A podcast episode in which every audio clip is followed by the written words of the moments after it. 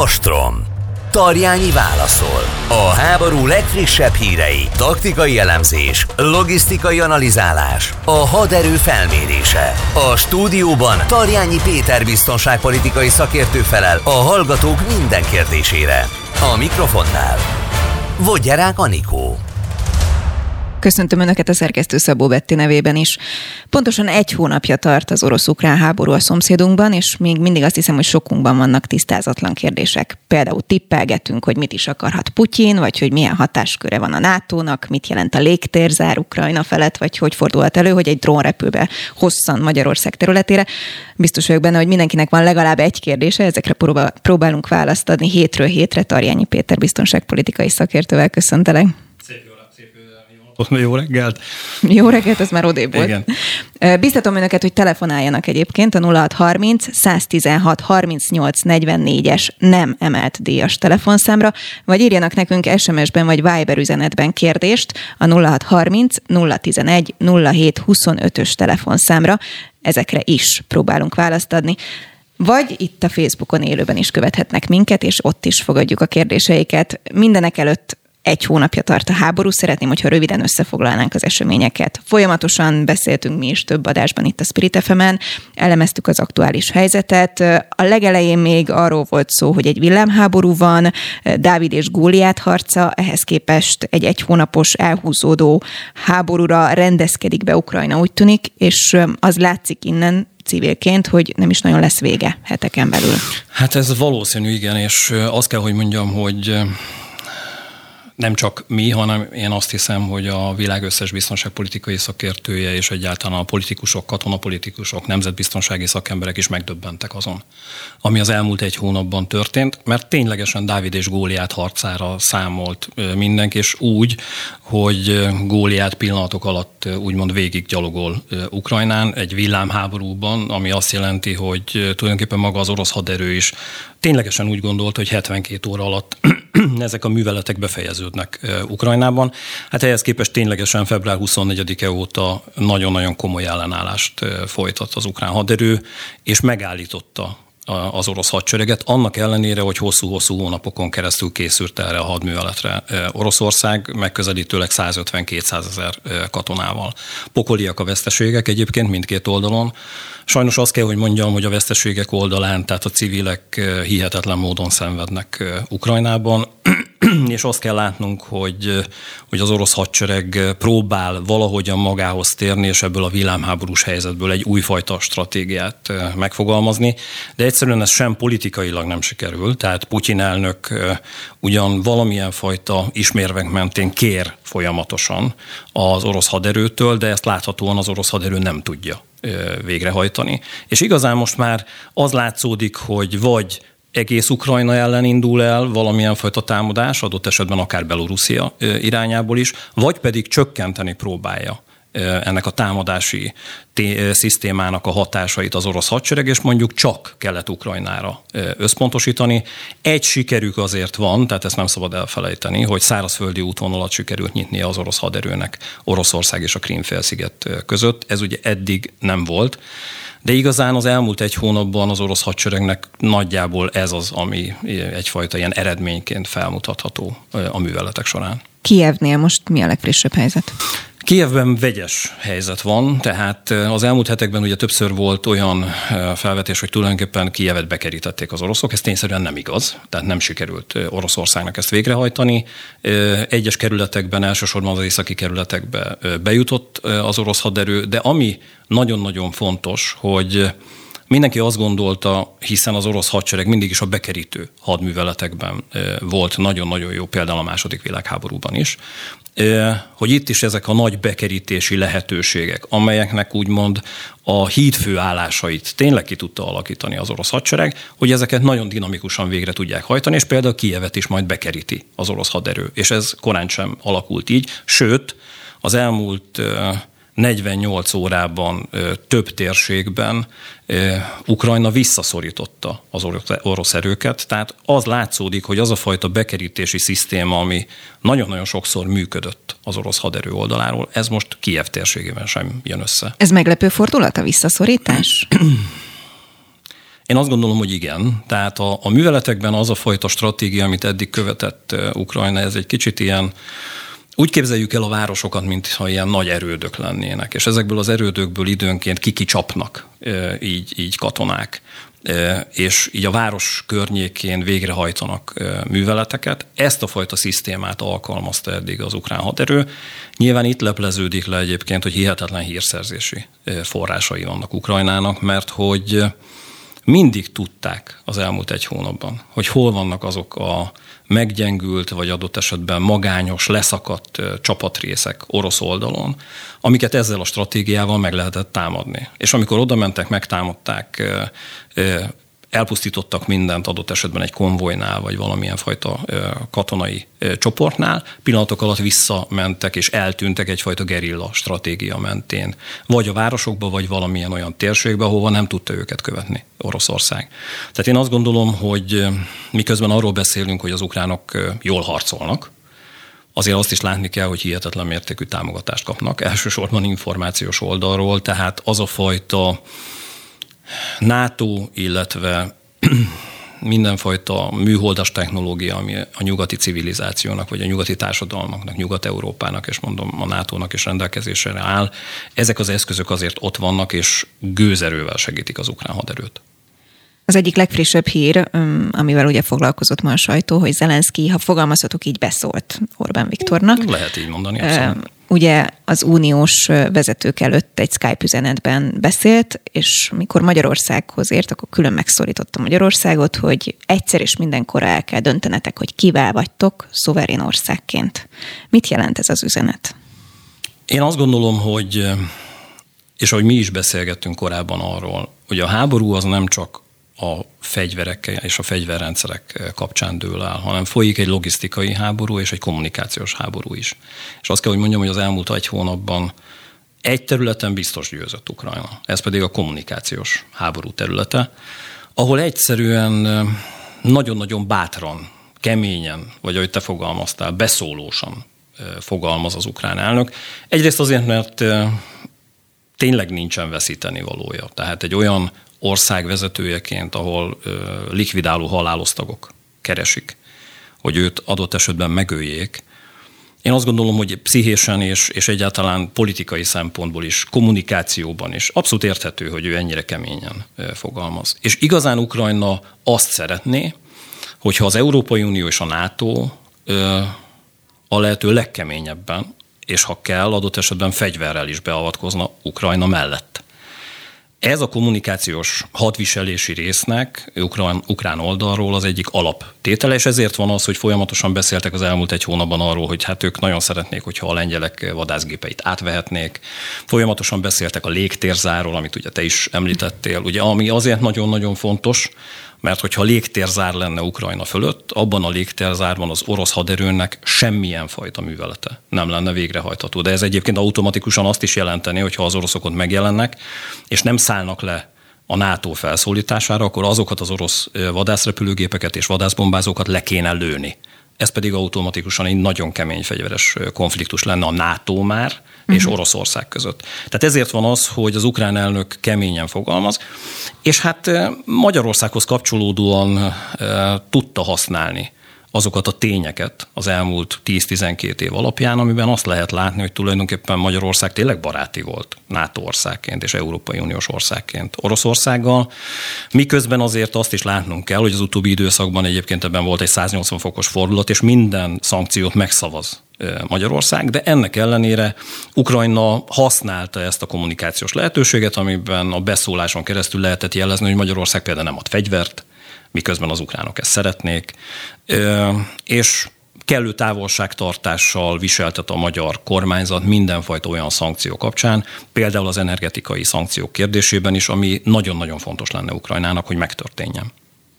Lépjünk egyet tovább, és kezdjünk belefolyni a hallgatói kérdésekbe, mert hogy vannak, ja. már eddig is érkeztek, és egyébként biztatom a hallgatókat, hogy nyugodtan vagy telefonáljanak nekünk a 0630 3844-es nem emeldíjas telefonszámra, vagy írjanak nekünk egy SMS-t vagy Viber üzenetet a 0630 011 07 25-ös számra. És az egyik az Putyinhoz kapcsolódik, amelyet kiválasztottunk. Van-e reális esély arra, hogy belülről megpucsolják Putyint az oligarchái? Most nincs. És egyszerűen nem azért, mert egyébként Oroszország mentes lenne az ilyenfajta politikai váltástól, magyarángyilkosságtól, politikai gyilkosságtól, hanem egyszerűen azért, mert a nyugat még mindig nem érti, hogy Oroszország hogyan működik, és egyébként vezetési oldalról nem csak egy személyi vezetés érvényesül. Tehát az egy személyi vezetés úgy igaz, hogy tényleg Putyin elnök az, aki mindent irányít. De egyébként az a fajta szellemiség, amiben ő gondolkodik, ahogy ő látja a világot, az nem csak az övé. Számtalan ember vett részt ennek az egész ukrán hadműveletnek az előkészítésében, és nem csak katonai szempontból, politikai szempontból. Egyáltalán az, hogy idáig eljutottunk ebben tulajdonképpen a mostani orosz politikai elit teljes egészében benne van. És a politikai elit tagjai, hát egy eléggé komoly szűrésen mentek át az elmúlt 30 évben.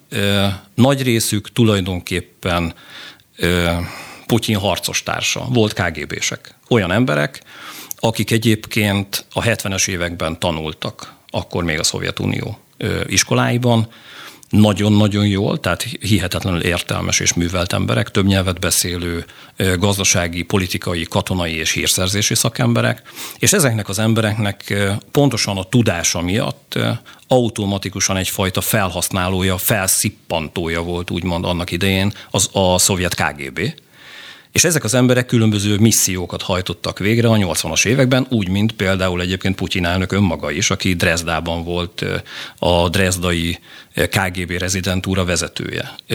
NDK-s ügynökökkel találkozott, tehát ő tényleg egy végrehajtó titkosszolgálati tiszt volt.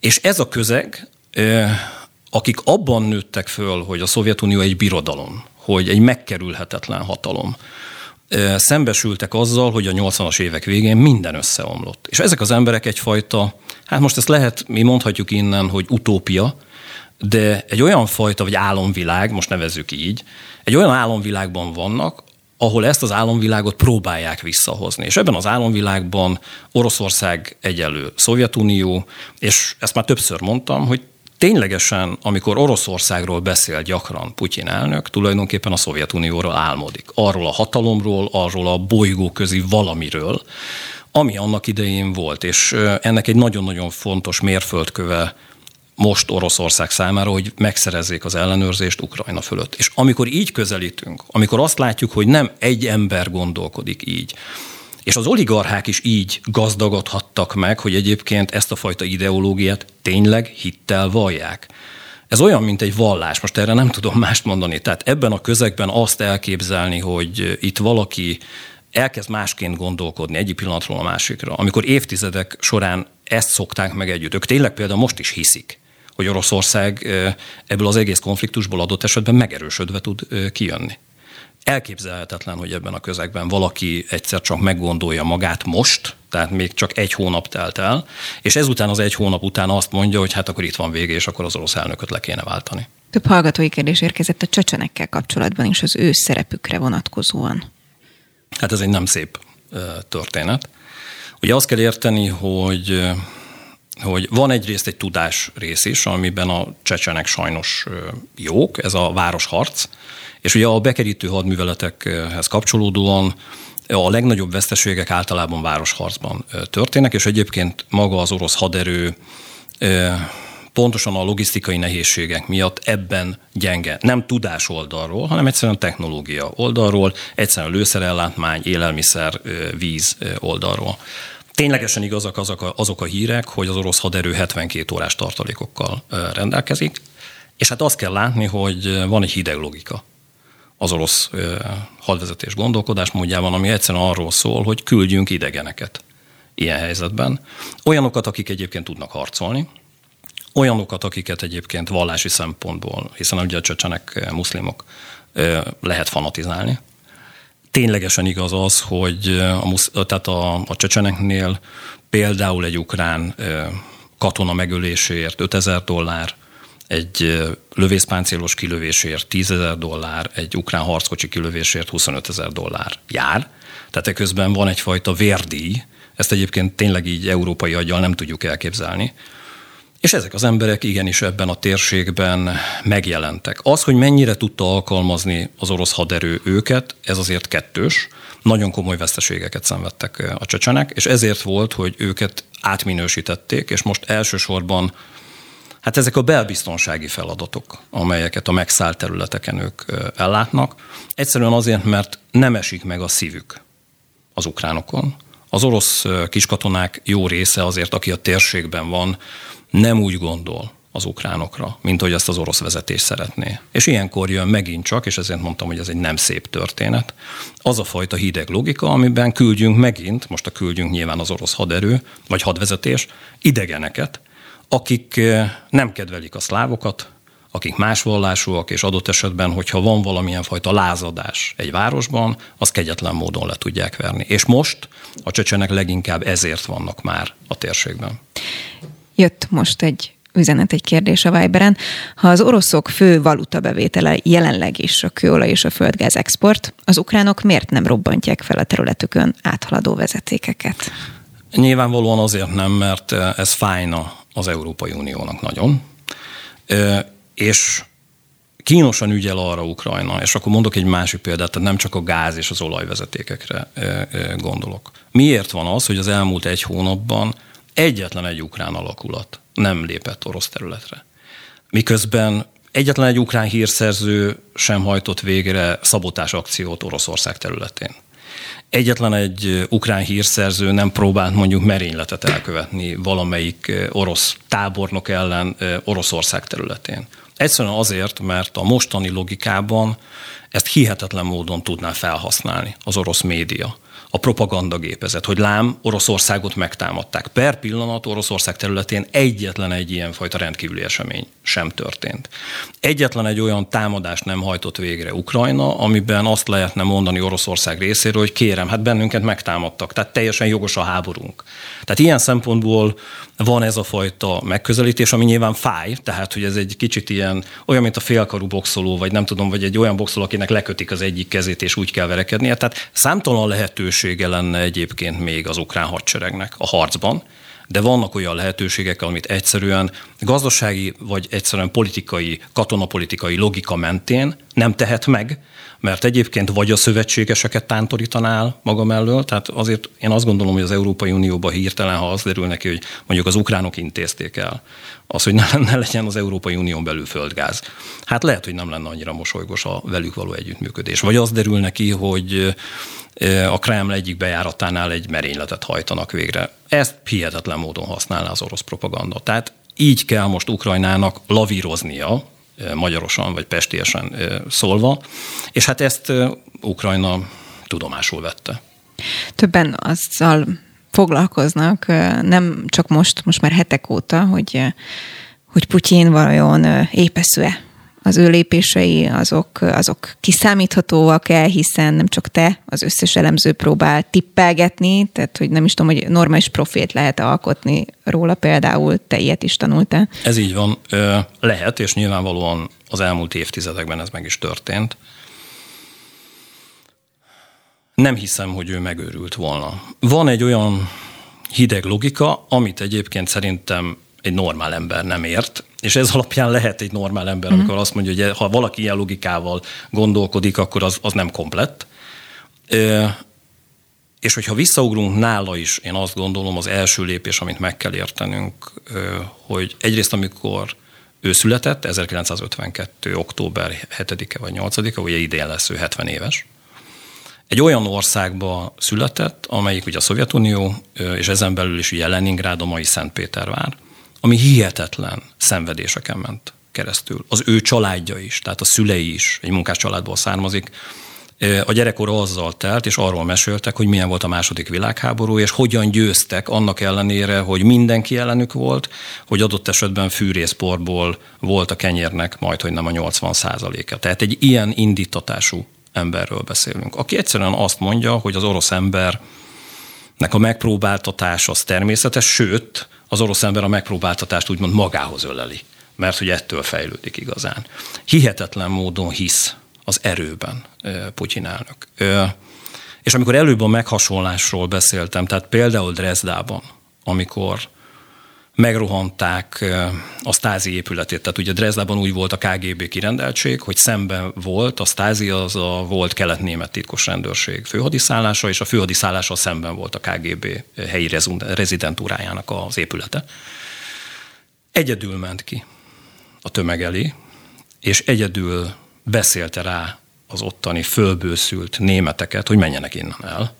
És ami ennél keményebb, és az, amiről ő személyesen például több interjúban beszélt, és én azt gondolom, hogy az ő alapprofiát meghatározza a világ rá, való ránézés kapcsán, hogy amikor baj volt, akkor ő segítséget kért a Szovjetuniótól, illetve az NDK-ban lévő szovjet erőktől. És azt küldte vissza a főhadiszállás, hogy nem küldünk senkit. És ez az, amit ő egy életre megtanult, hogy, hogy egy birodalom nem, nem kerülhet ilyen helyzetbe. Hogy egy birodalomban nem lehet az, hogy tulajdonképpen azok a népek idézőjelbe, illetve hát nem idézőjelbe, akik alárendeltjei, azok ne hajtsák végre azt, amit egyébként ő akar és mond. És én azt gondolom, hogy ez a profil megfigyelhető most is. Az elmúlt évtizedeket egy szisztematikus építkezés mentén, egy erős Oroszország irányába vitte, és most úgy érezte, és egyébként szerintem ez az ő tragédiája, a személyes tragédiája, hogy téved. Hogy azt gondolta, hogy a világot ezzel az új Oroszországgal újból le lehet győzni. Folyamatosan érkeznek a hallgatói kérdések egyébként. Még rövid időnk van, nagyon rövid így a reklámbrék előtt. Igaz-e az, hogy megszállt területekről deportálják az ukránokat Oroszországba? Civilekre gondolom. Vannak hallgató. bizonyos területek, igen, Mariupol térségében, ahol elvittek embereket. Erre nézve konkrét információ a tekintetben, hogy miért történik ez.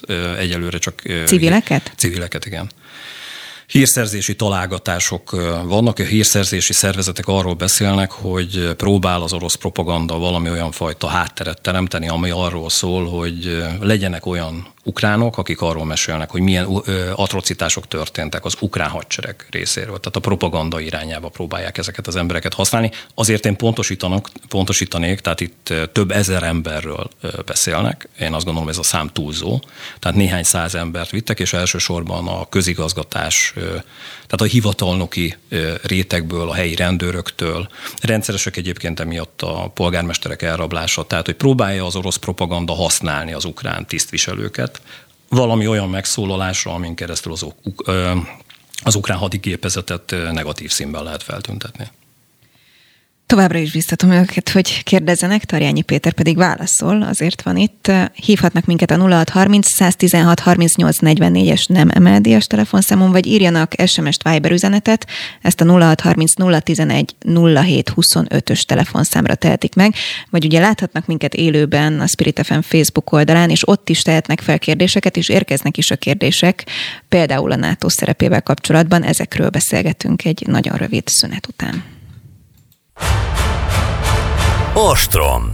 Tarjányi válaszol. A háború legfrissebb hírei, taktikai elemzés, logisztikai analizálás, a haderő felmérése. A stúdióban Tarjányi Péter biztonságpolitikai szakértő felel a hallgatók minden kérdésére.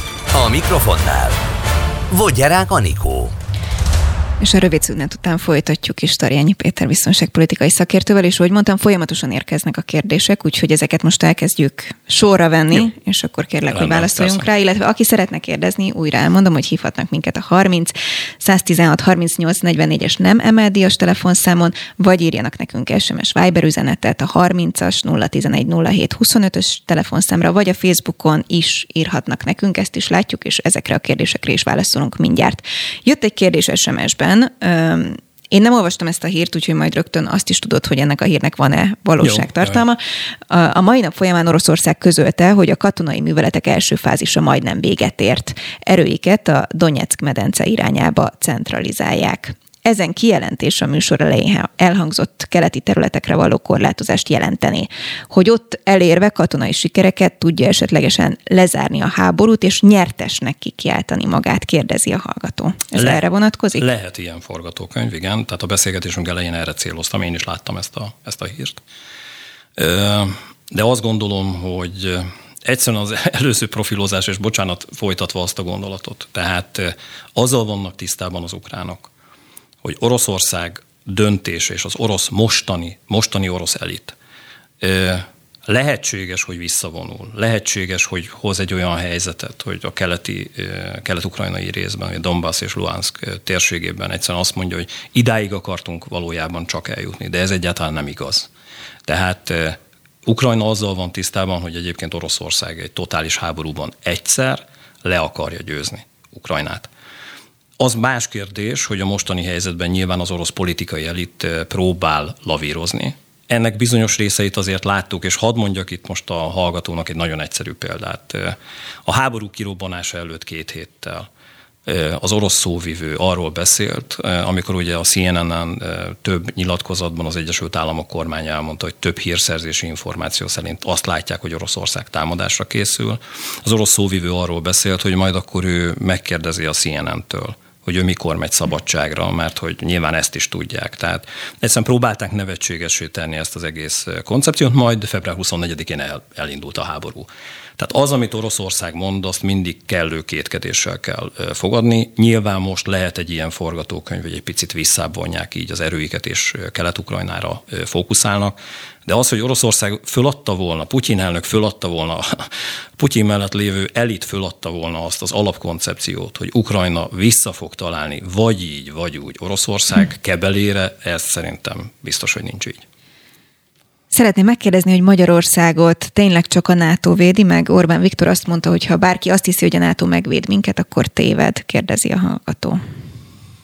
Jó, hát NATO nélkül mi nem fogjuk tudni megvédeni magunkat, bármilyen fajta háborús helyzet, vagy bármilyen fajta rendkívüli helyzet lenne. De azért itt megint csak pontosítsunk, tehát, hogy itt maga a kérdés és a maga a kijelentések is egyfajta, ez a kérdés, bocsánat, nem, tehát hogy maga a kijelentés egyfajta csúsztatás. Tehát azért azt ne felejtsük el, hogy Magyarországon most egy kampány zajlik. A kampányban nagyon-nagyon fontos a kormányzatnak az, hogy felvázoljon olyan rendkívüli helyzeteket, mint például ez a háború. Ez tényleg létezik, tehát hogy ebben nincs semmifajta hazugság. De egyébként van egy rész, ami csúsztatás, abszolút csúsztatás. Az a rész, hogy tulajdonképpen jó, hogyha a NATO-val együttműködünk, jó, hogyha például a magyar hadsereg gyakorlatokat hajt végre Kelet-Magyarországon, mert lám-lám, hogyha valaki áttéved, vagy valamilyen fajta fegyveres konfliktus kirobban, akkor azonnal tudjunk reagálni. Könyörgöm. Tehát, ha ránézünk a térképre, és azt látjuk, hogy hol folynak most a harcok, a magyar határtól 1200-1400 kilométerre zajlik minden. Igen, vannak támadások Nyugat-Ukrajnában, ez tény. De Magyarország és egyébként Kelet-Európa, az Európai Unió és a NATO országok nincsenek veszélyben. Tehát egyszerűen ez az alapvetés hibázik itt. De az az állítás megint csak igaz, tehát ez a klasszikus kormányzati csúsztatás, hogy egyébként, ha lenne egy háború, akkor csak a NATO-val tudnánk megvédeni Magyarországot. No, ez így már körülbelül összefügg azzal a kérdéskörrel, amit többen is kérdeznek Facebookon is, és egyébként SMS-ben is jött ilyen típusú kérdés, hogy a leginkább az érdekli a hallgatókat, hogy Magyarországon várható-e fegyveres konfliktus, harmadik világháború, illetve Facebookon egy hallgató azt írta, hogy az ukrán retorika szerint Putyin nem áll meg Ukrajnában, ugye, hanem folytatja tovább Igen. a kelet-európai országok irányában ezt, hogy ez része az információs háborúnak. Az információs hadviselésnek nyilván része, és mi is ugye a beszélgetésünk elején pontosan erről beszéltem, hogy ez is egy fontos területe ennek az egész háborúnak, a kommunikációs hadviselés.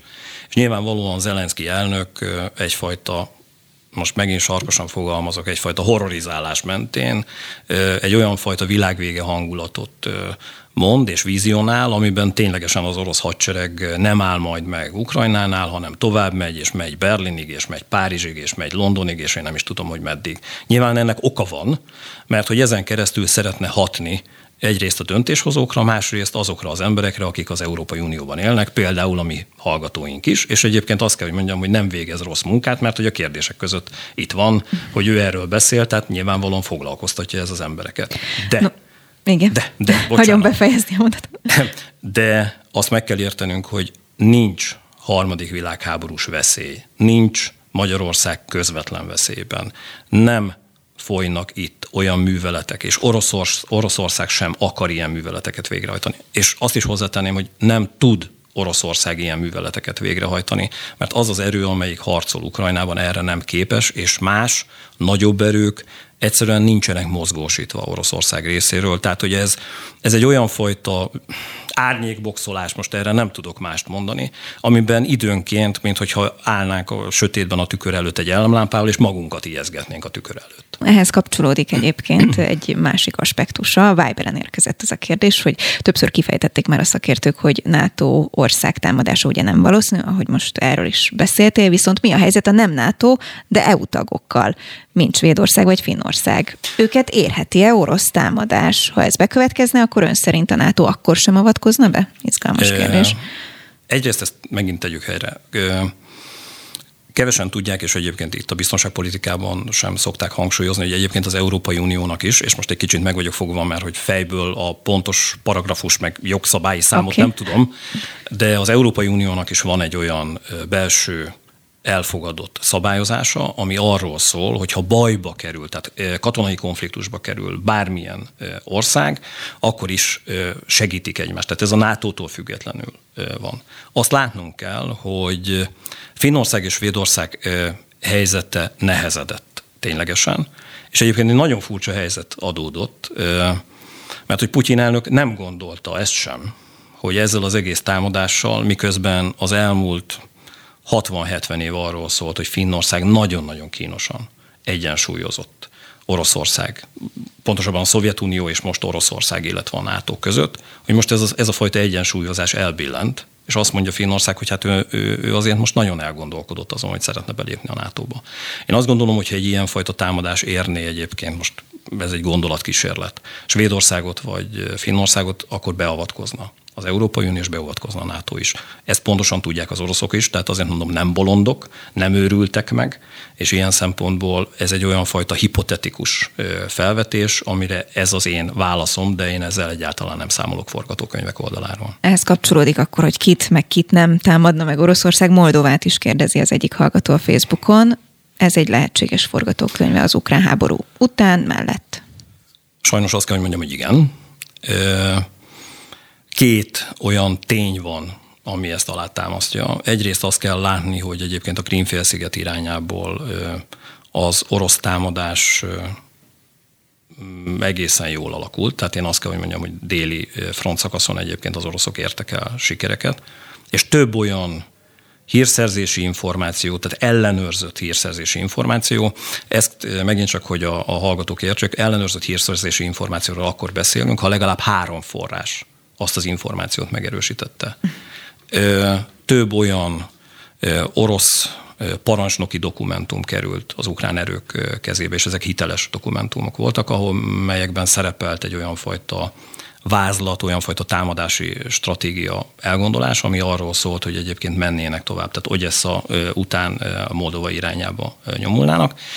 És hát van egy másik, ez a világ sajtót körbejárt, hogy a Lukasánka elnök tartott, én nem is tudom, ilyen furcsa politikai, katonai eligazítást, tehát hogy öltönyben és egy mutatópálcával a kezében felvázolta, hogy mi történik Ukrajnában, és az ő előadásában teljes egészében szinte egyfajta természetessége beszélt és mutogatott arról, hogy egyébként Moldova irányába mennek támadások. Tehát én azt gondolom, hogy ez a fajta támadási irány az orosz haderő fejében ott van, erre van forgatókönyv, és ezt egyébként hírszerzési szempontból is visszaigazolták. Tehát a válaszom igen. Belefére Putyin a háborús bűnös kategóriába, és hogyha igen, akkor felelősségre lesz-e vonva szerinted? Hát ez egy, ez egy az eddigi események alapján, és akkor ezt megint, hogy, hogy, hogy érthető legyen. Tehát azt kell megérteni, hogy attól, hogy mi képsorokat látunk összeomló épületekről, vagy Mariupolban ugye az a színház, ami alatt 300 halottat találtak eddig, miközben köztudott volt, hogy abban a színházban, vagy az alatt a színházban az óvóhelyen egyébként civilek vannak, tehát nem katonák. Ezért önmagában rögtön háborús bűnösség, tehát jogi értelemben nem tudjuk még tenni Putyin elnököt, mert a jog az ennél sokkal-sokkal szigorúbb, tehát hogy ott végig, tehát van-e szándék, szándékos utasítás, kihajtotta azt végre. Tehát ezen végigmenve ténylegesen arra van szükség, mint amit egyébként a Nürnbergi per kapcsán láthattunk, annak idején, 1945-ben, hogy ott is tételesen végigmentek, hogy ki miért volt felelős, ki mit csinált, milyen utasítást adott erre, milyen dokumentáció, bizonyíték, mi van ezzel kapcsolatban. És igen, van a másik rész, ami a, a tömegtájékoztatásnak egyfajta hozadéka, hogy egyszerűen mindenkinél van mobiltelefon, és egyszerűen videóz, hogy egyébként a világ ezt már eldöntötte. Én azt gondolom. Tehát a világ, a közvélemény háborús bűnösnek tartja Putyin elnököt és az ő közvetlen környezetét. Ez biztos. De az, hogy ez a jogba át legyen ültetve, ehhez egyrészt arra lenne szükség, hogy véget érjen a háború, Oroszország veszítsen, és Oroszország úgy döntsön az új orosz kormányzat adott esetben, hogy egy ilyen vizsgálat kapcsán mondjuk kiadják Putyin elnököt, vagy ők folytatják ezeket a vizsgálatokat, csak mondjuk ez egy kicsit nevetséges, mert nem tudok elképzelni egy olyan Oroszországot, ahol egy ilyen fajta vizsgálat így végig menne. Tehát Igen, ez nem annyira reális. Ez egy, ez, egy, ez egy hosszú út, és én ezért mondanám, hogy itt ezt ketté bontanám, a közvélemény már döntött, tehát a közvélemény szerint Oroszország bűnös, az orosz politikai vezetés háborús bűnös, ezt egyébként súlykolja az amerikai, ukrán, mindenfajta média, de az, hogy ez konkrétan jogi szempontból bizonyítani és kijelenteni lehessen, ahhoz először békére lenne szükség, és arra, hogy ezek a vizsgálatok normálisan lefolytatódjanak. Miként épül fel a két fél hadereje, ezt is a hallgató kérdez? Hát kérdeznek a ja, hallgatók úgy, szépen. Úgy, hogy mondjuk egy percet van rá válaszolni, mert annyi kérdés érkezik, jó? Nem, jó. de hogy viszonylag röviden. Én igazán a parancsnoki struktúrának a a gondolatiságát különböztetném meg. Tehát most nem mennék ebbe a mhm. technikai részekbe nagyon-nagyon bele. Én azt gondolom, hogy, és ez is az egyik oka annak, hogy az ukrán haderő jobban szerepel most. Az ukránok rugalmasabbak, egyszerűen az alsóbb vezetési szintekre is döntési lehetőségeket bíznak. Egyszerűen egy vezető kap egy bizonyos mennyiségű lőszer, javadalmazást, bizonyos fajta technikai hátteret, tehát hadi technikai hátteret kap óriási mennyiségű információt a térségről, és egyszerűen önállóan dönt, és harcol. Az orosz haderő ennél egy sokkal-sokkal merevebb jelentési rendszerében, kommunikációjában lassúbb valami, és ami nagyon-nagyon lényeges, ezért halt meg egyébként ennyi orosz tábornok, hogy egyszerűen a kommunikációs rendszere az orosz haderőnek nem működik.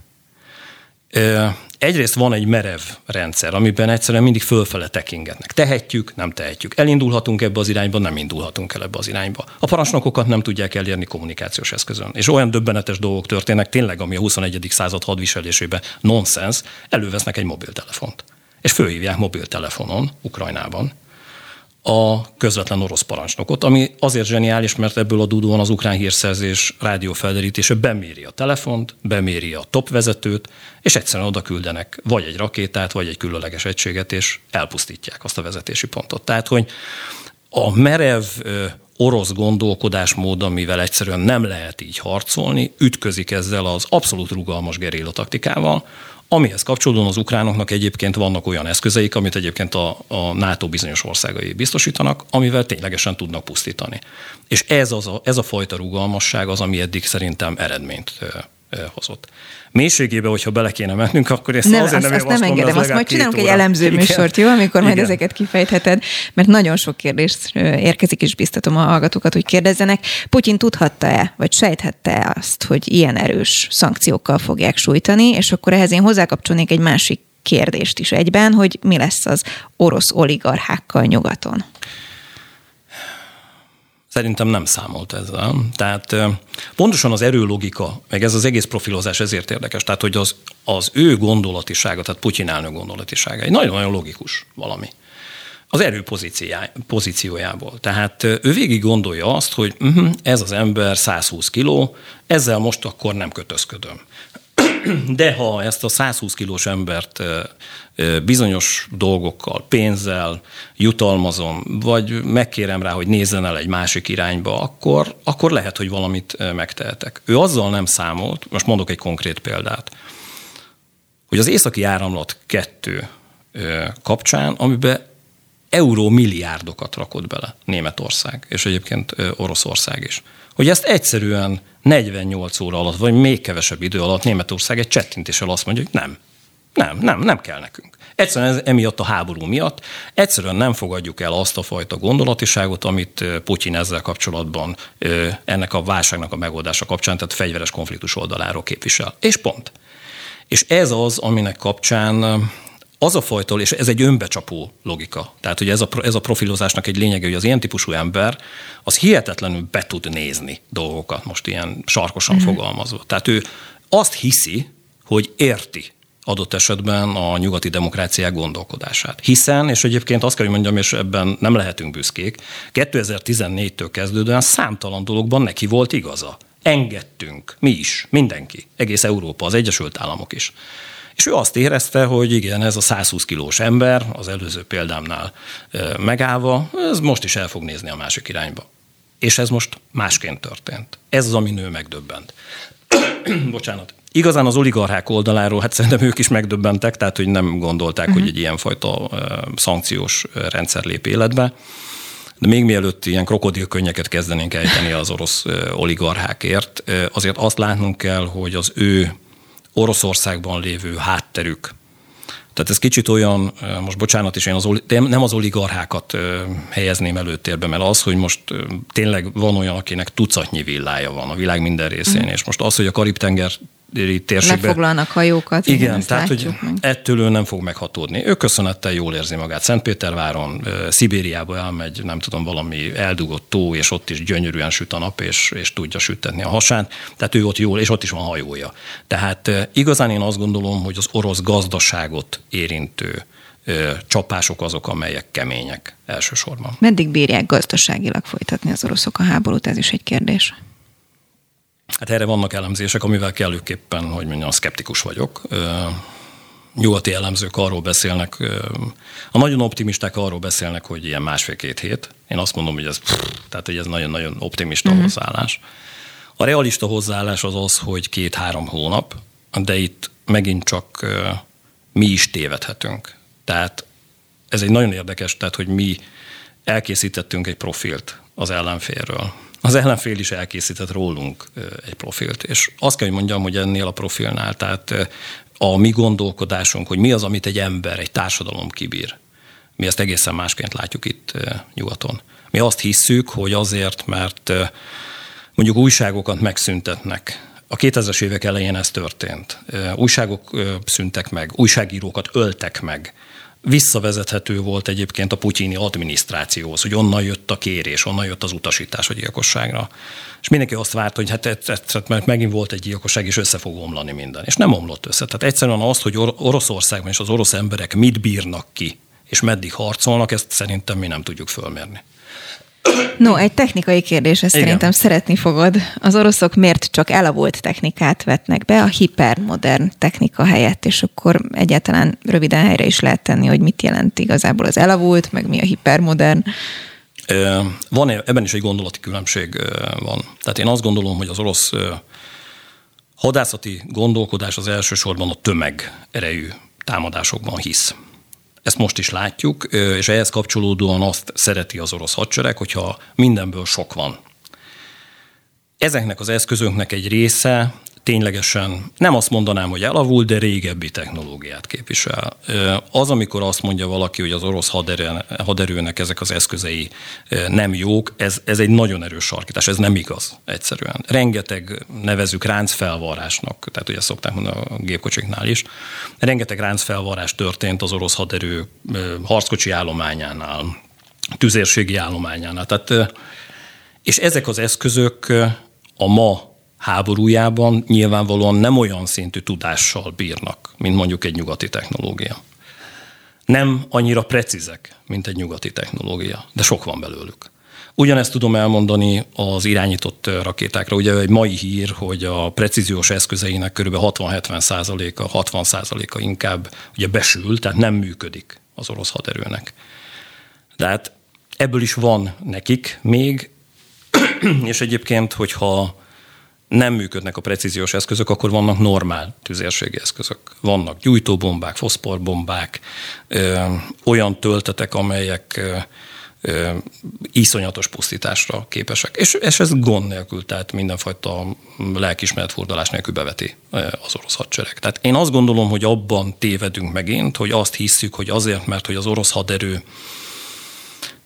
ezzel a tömeg támadással komoly veszteségeket szenved, ezt, ezt valahol számolja, és azt mondja, hogy úristen, hát most, most elvesztettük az állományunknak az 5-10 százalékát. Ez egyébként az orosz gondolkodásba és az orosz katonai gondolkodásba abszolút belefér. A másik, amit meg kell értenünk, hogy bonyolult műveletekben az elmúlt évtizedekben nem vett részt Oroszország. Tehát olyan bonyolult műveletekben, amikor több tízezer, több százezer katonát kell irányítani logisztikai szempontból.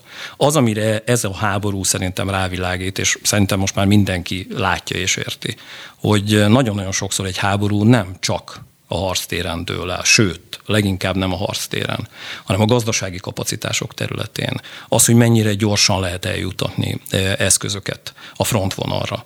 Milyen az utánpótlás élelmiszerben, ivóvízben, lőszerben, e, üzemanyagban. És ebben én azt látom, hogy, hogy az ilyen méretű nagy több száz kilométeres távolságra, tehát az északi, keleti, déli frontvonalak tényleg több száz kilométerre vannak egymástól.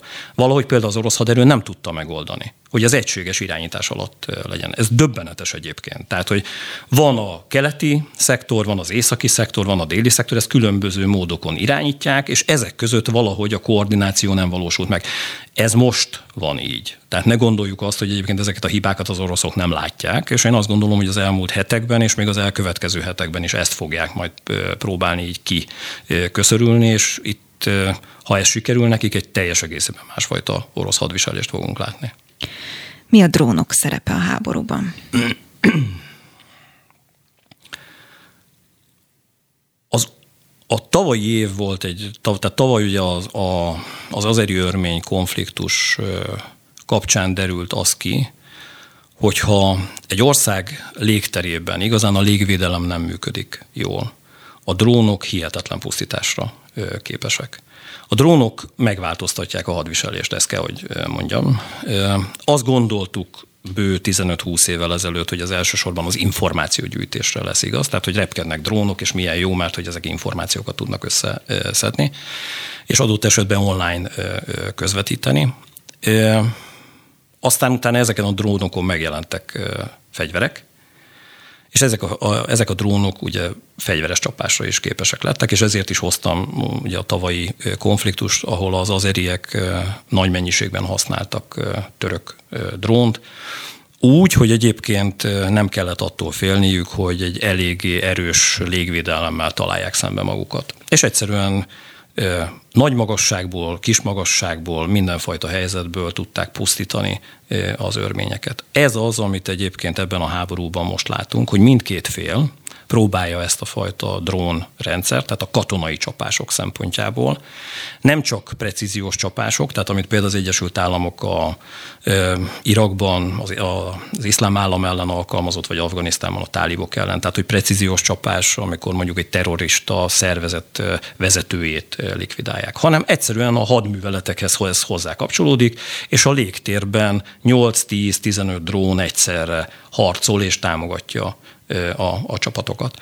Ez egy teljesen újfajta helyzet, ezt tanulja a világ. Egyébként ne gondoljuk azt, hogy például a NATO hírszerzői napi szinten nem elemzik az orosz és ukrán megoldásokat, és azt, hogy ezek a fegyverek hogyan tudnak pusztítani. Azt kell, hogy mondjam, sajnos jól, de azt is látnunk kell, hogy most már azért láthatóak azok az alap korlátok, amelyekben a drón rendszerek nem működnek, ez pedig a nagyon-nagyon erős légvédelem. Tehát, hogyha olyan légvédelemmel rendelkezik valamelyik haderő, amelyik az alacsonyan szálló vagy közepes magasságban repülő drónok ellen lépni tud, akkor egyszerűen lelövik ezeket a, a, a, a drónokat. Viszont abban az esetben, hogyha egyfajta gerilla taktika mentén nagyon pontos hírszerzési információhoz kapcsolódóan, amit mondjuk az Egyesült Államok átad egy ukrán csoportosításnak, és az ukrán csoportosítás tudja, hogy abban a térségben nem kell félni semmitől, egy drón szinte a legjobb fegyver az orosz haderő ellen. Ha megígéred, hogy egy percben válaszolsz, akkor felteszek még egy kérdést, Igen? jó? Röviden. Az Anonymous hacker támadások mennyire okoztak gondot Moszkvának? Én azt gondolom, nagyon nem. Az biztos, hogy egy fontos jelzés, hogy Oroszország szájberhadviselési részlegéhez és részlegei nem tudnak elhárítási szempontból annyira jól szerepelni, és az, hogy a tömegkommunikációba bejutott néhány olyan ö, információ, most mondjunk egy konkrét példát, amikor ö, az ukrán himnuszt játszották valamelyik orosz tévécsatornán, hogy, hogy képeket közöltek hogy mi zajlik valójában egyébként Ukrajnában. Az a baj, hogy egyébként egy olyan média zaj van, egy olyan propaganda gépezet működik Oroszországban, amiből ez úgy annyira nem hallatszik. És egyszerűen adott esetben ténylegesen az orosz honpolgár ennyit, annyit mond, hogy ez megint egy fake news. Most itt beszélnek össze-vissza hülyeségeket, és nem veszik komolyan ezeket az információkat. No, ennyi fért bele az első Ostrom című adásba, de azt ígérjük a hallgatóknak, hogy minden héten, ameddig Igen sajnos aktuális, vagy nem tudom, milyen jelzőt lehet ez hozzátenni, tart a háború, addig Tarjányi Péter válaszol majd a kérdésekre, mindenkinek a kérdésére, úgyhogy jövét pénteken is várjuk majd a hallgatókat 17 órakor. Én köszönöm a figyelmüket a szerkesztő Szabó Betti nevében. Csibi Fruzsinának köszönjük szépen, hogy a Facebook élőt létrehozta, Kátai Kristófnak és Kammer Jonatánnak pedig minden technikai segítséget. Legyen szép hétvégéjük. Viszont hallásra. Viszont hallásra.